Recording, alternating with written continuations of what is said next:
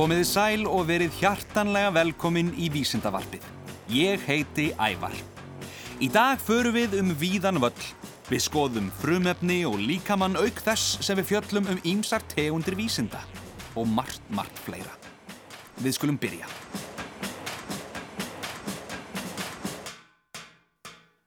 Tölum um frumefni. Hvað í óskupunum eru frumefni? Hvað vilja þau og hvað gera þau? Í stuttumáli sagt, þau eru allstaðar og í öllu. Í dag eru 118 frumefni þekkt og þaraf hafa 94 þeirra fundist í náttúrunni í mismiklu magni. Frumefni nr. 95 til 118 hafa aðeins myndast í kjölfar kjarnasamruna í eindarhöðlum. Skoðum frumefnin nánar. Allir sjáanlegir hlutir sem finnast í alheiminum, svo sem stjörnur, reykistjörnur og lífverur, eru samsettir úr frumefnum. Ef frumefni finnst á jörðu, finnst það líka í geimnum. Tökum dæmi. Algengasta frumefnið í alheiminum er vettni, sem við merkjum með stóru hái, því erlendis er það kallað hydrogen. Sólin okkar er til dæmis að langmestu leiti úr vettni.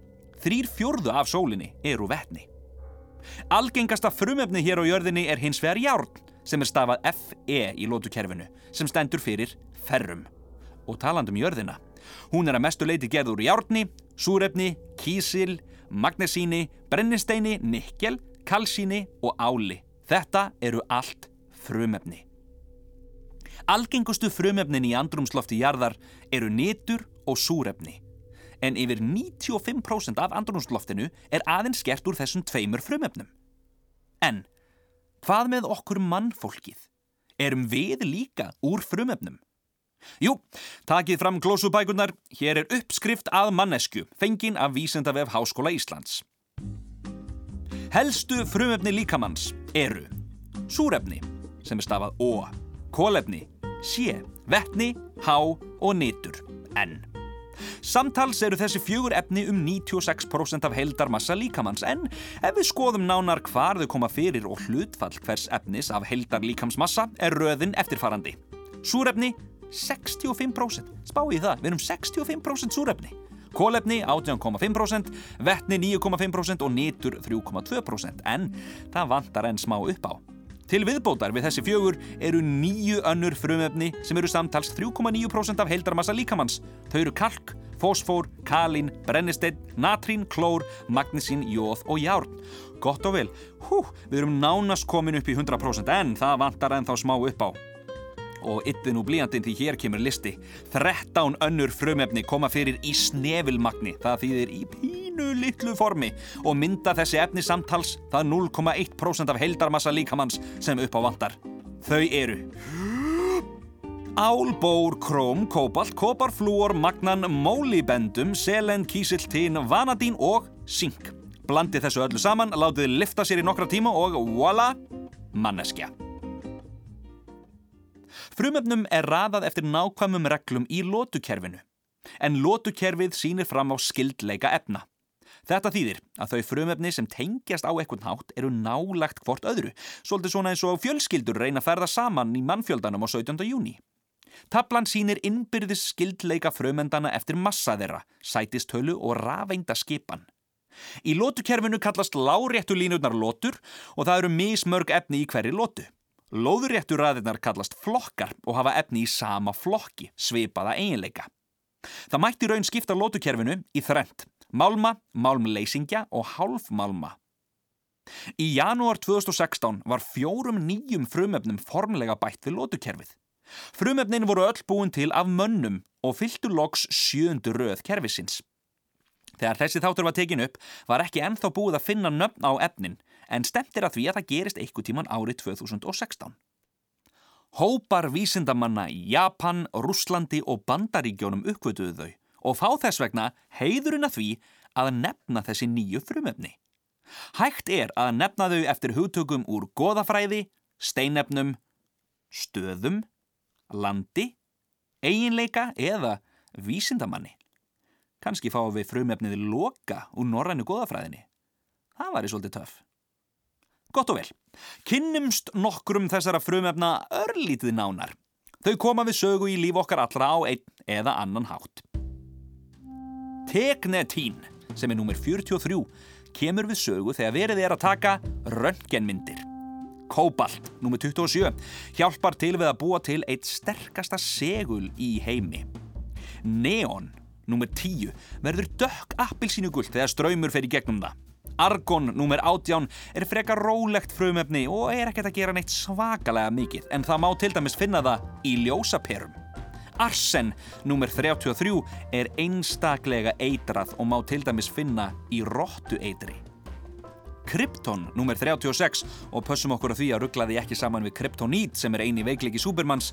Krypton er mjög sjaldgæft gas, er örsjaldan notað til dæmis í ljósaperur. Þórín, nummer 90, var notað í tannkrem í gamla daga. Alveg þanga til vísendamenn komast að því að það var geislavirt. Evrópín nr. 63 var nefnt í höfuðið á Evrópu og er það frumefni sem bætir rauða litin í sjónvarpinu og tölvuskjánum þínum. Gull er nr. 79 og er frumefni sem allir hafa heyrt um. Magnesín er nr. 12 og eina leiðin til að slökka magnesín eld er með sandi. Silfur, nr. 47, er sá málmur sem leiðir ramagn hvað best.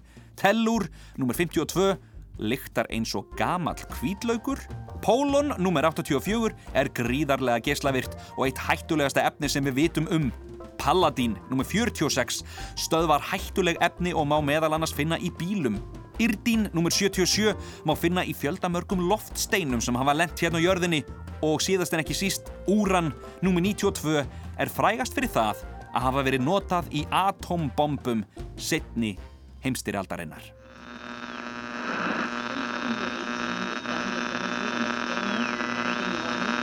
Við skulum skoða nokkrar mismunandi tegundir vísinda.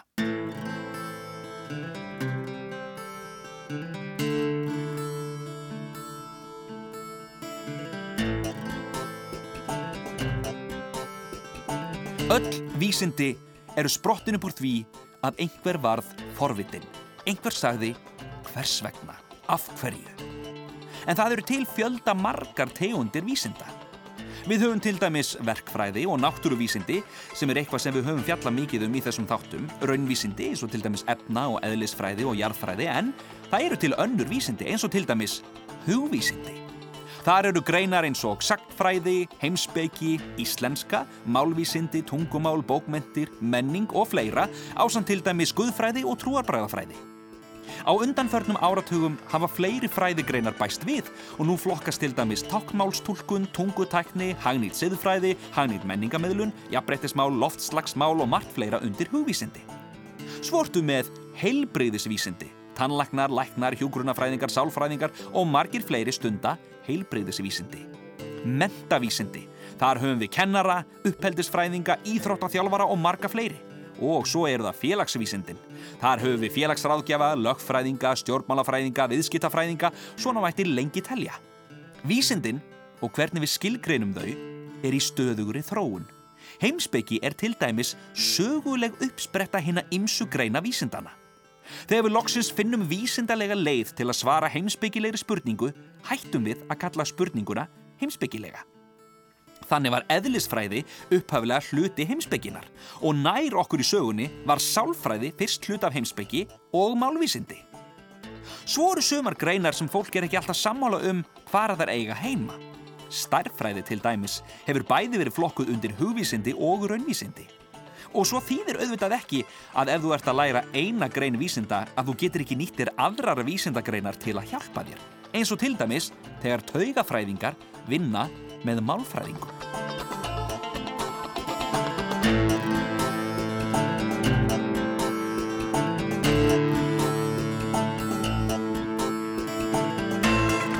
Það er hægara sagt en gert að vera vísindamæður og stundum þá lenda vísindamenn og konur í svakalegum hrakförum og þá er eins gott að vera snöggur að hugsa.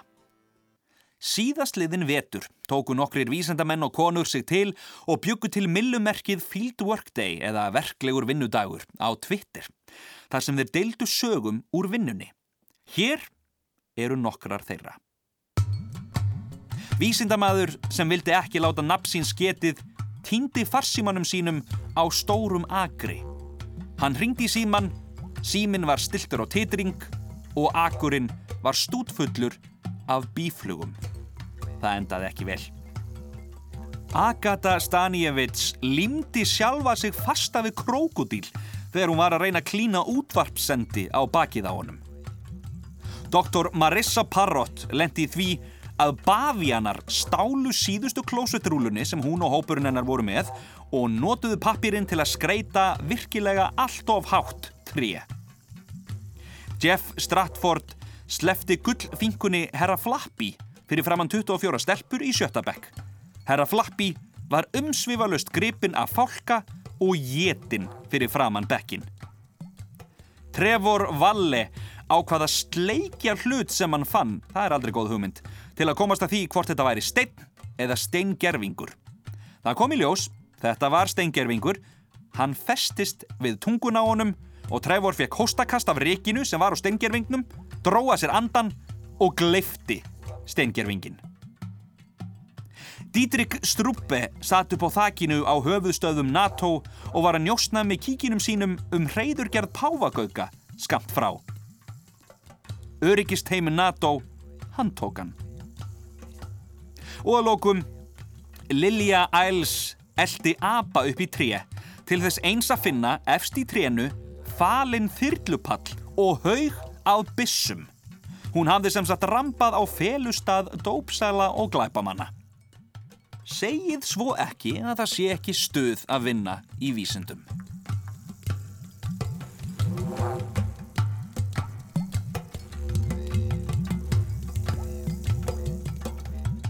Tölum aðeins um starffræði. Til hvers er hún eiginlega og hvernig getur við nýtt okkur hana? Starffræði nýtist okkur frá morgni til kvölds og meira segja þegar við sofum. Það er mikil starfræði á bakvið húsin sem við búum í. Það þarf að reikna út burðarþól og allskins fleiri hluti svo húsin geti staðið.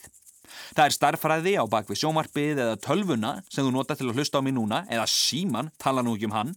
Og þegar við ætlum að kaupa eitthvað, þá kemur starfræðin við sögu. Ég tala nú ekki um ef það er afsláttur á vörunni. Ef við ætlum að keira eitthvað og þurfum að reikna hvort við þurfum að stoppa á næstu bensinstöð eða hvort við eigum nóg af bensinni eftir á tanknum, starfræði þótt sumir taki sjansinn og endi bensínlausir út í kanti. Ef við erum að baka, ætlum að breyta uppskriftinni, þá þarf nú aldeilis að reikna. Ef við fáum að sleppa við að borða allt af disnum, ef við borðum bara þrjá pluss tvo bita í viðbót, starffræði. Þú þarf starffræði ef þú vilt ekki láta plata þig. Þú þarf starffræði til að kunna lesa skoðanakannanir og skilja hvað í óskubónum er eiginlega gerast í þeim. Ef við ætlum að fara út í geim, starffræði. Ef við ætlum að kafa, starffræði, eða þú vilt stunda nám í verkfræði, viðskiptafræði, læknisfræði eða félagsvísindum, starffræði. Starffræðin er líka nöðsileg til þess að reikna út hluti sem við höfum kannski ekki möguleika á að prófa í alvörunni. Eins og til dæmis, þegar vísendamenn er að reikna fjarlæðina til stjarnar í sólkerfin okkar. Það er auðvitað ekki til reglustika sem nær alla leið til Júpiter en með nákvæmum útreikningum er hægt að reikna fjarlæðina þákað sem er 588 miljón kílometrar. Það væri kannski svolítið laung reglustika. Starfræði er svo sannarlega mikilvæg. Úr einu í annað. Við mannfólkið við erum tilfinningaríkar verur og tilfinningar eru merkilegt fyrirbæri. Þær eru ólíkar og oft á tíðum flóknar og stundum þá blandast þar saman eins og til dæmis tilfinningin sem þú færð þegar vinurðin sem er að læra verða tannlæknir býðu þér ókipist tíma. Þá blandast saman gleði og smá ótti. Eða tilfinningin sem þú færð þegar þú ert alveg að fara að eiga ammali en gerir þér um leið grein fyrir því að þú ert orðin fáralega gamal. Þá kemur svona spenningssorg. Við skulum setja eina tilfinningu sérstaklega undir stekkunaglirið. Hræðslu. Ef maður er svakalega óstjórnlega hrættur við eitthvað er talað um fóbíu eða fælni. Við könnumst mörg við það að vera loftrætt og eða kannski verða alveg brjáluð þegar geitungur mætir á svæðið. Er þú kannski svakalega hrætt eða hrættur við eitthvað? Fóbíur eða fælni eru sangkvæmt Vísindavef Háskóla Íslands flokkaðar í þrjá undirflokka eða í víðáttufælni, félagsfælni og afmarkaðafælni. Fólk með víðáttufælni óttast víðáttur eins og nafnið bendi til, sérstaklega þegar það er eitt á ferð. Það hræðir samt einnig fjölfarna staði eins og til dæmis veslunamiðstöðar og staði sem eru lokaðir af eins og til dæmis liftur, strætisvagna eða lestarvagna. Félagsfælið fólk hræðist það að verða sér til skammar fyrir framann annað fólk og svo er það afmörkuð fælni. Fælni sem beinist aðeins að einu tilteknu fyrirbæri og það geta verið hlutir sem aðrir eru kannski ekki trættir við. Eins og til dæmis kromofóbía. Þá ertu hrættur við liti. Kolorofóbía sem er ótti við trúða. Chiklefóbía er óttin við tyggjó. Eisotrofóbía er óttin við spegla eða eigin speilmynd. Agirofóbía er óttin við að fara yfir götu. Penterafóbía er fælni við tengdamóður sína. Hippopoto monstroes ki pedaliofóbía er án alls gríns óttin við laung orð. Það væri hugsanlega hægt að vinna betur í þessu nafni. Og síðast en ekki síst, fóbiofóbía, óttin við fóbíur.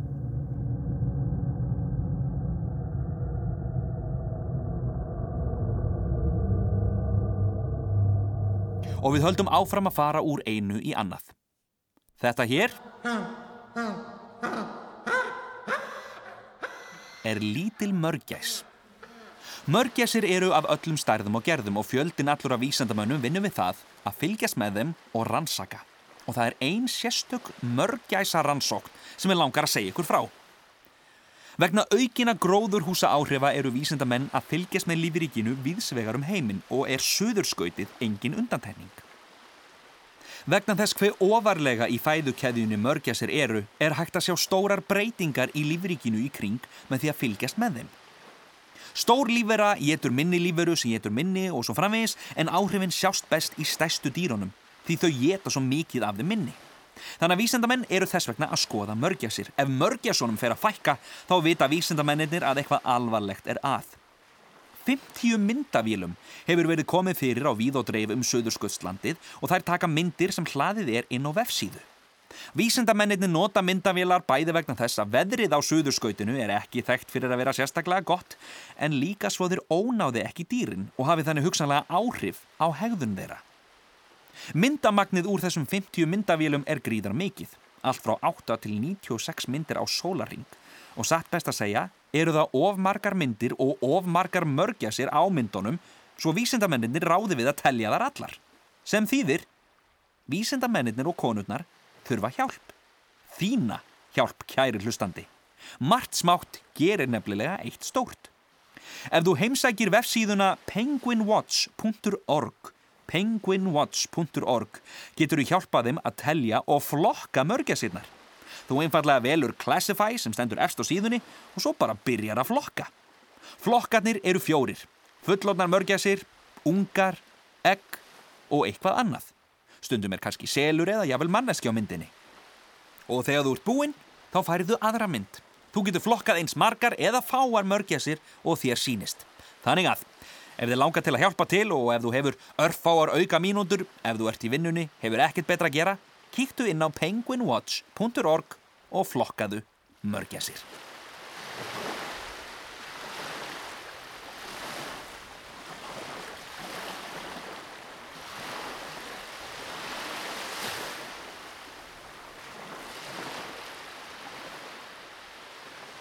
Þættinum er lokið.